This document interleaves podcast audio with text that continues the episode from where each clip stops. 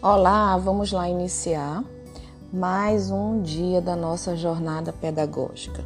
Hoje, dia 26 de fevereiro, será na escola e estou muito feliz em poder recebê-los. Então vamos lá, vamos começar mais uma aventura? Então, iremos iniciar pela leitura individual do material Currículo Contínuo.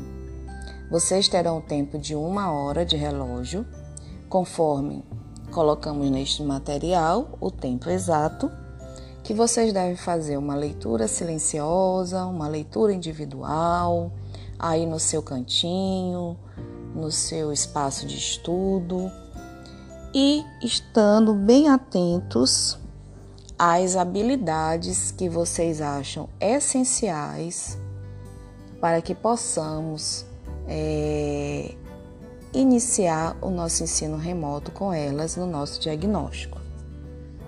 Então, essa é a primeira parte da nossa atividade de hoje.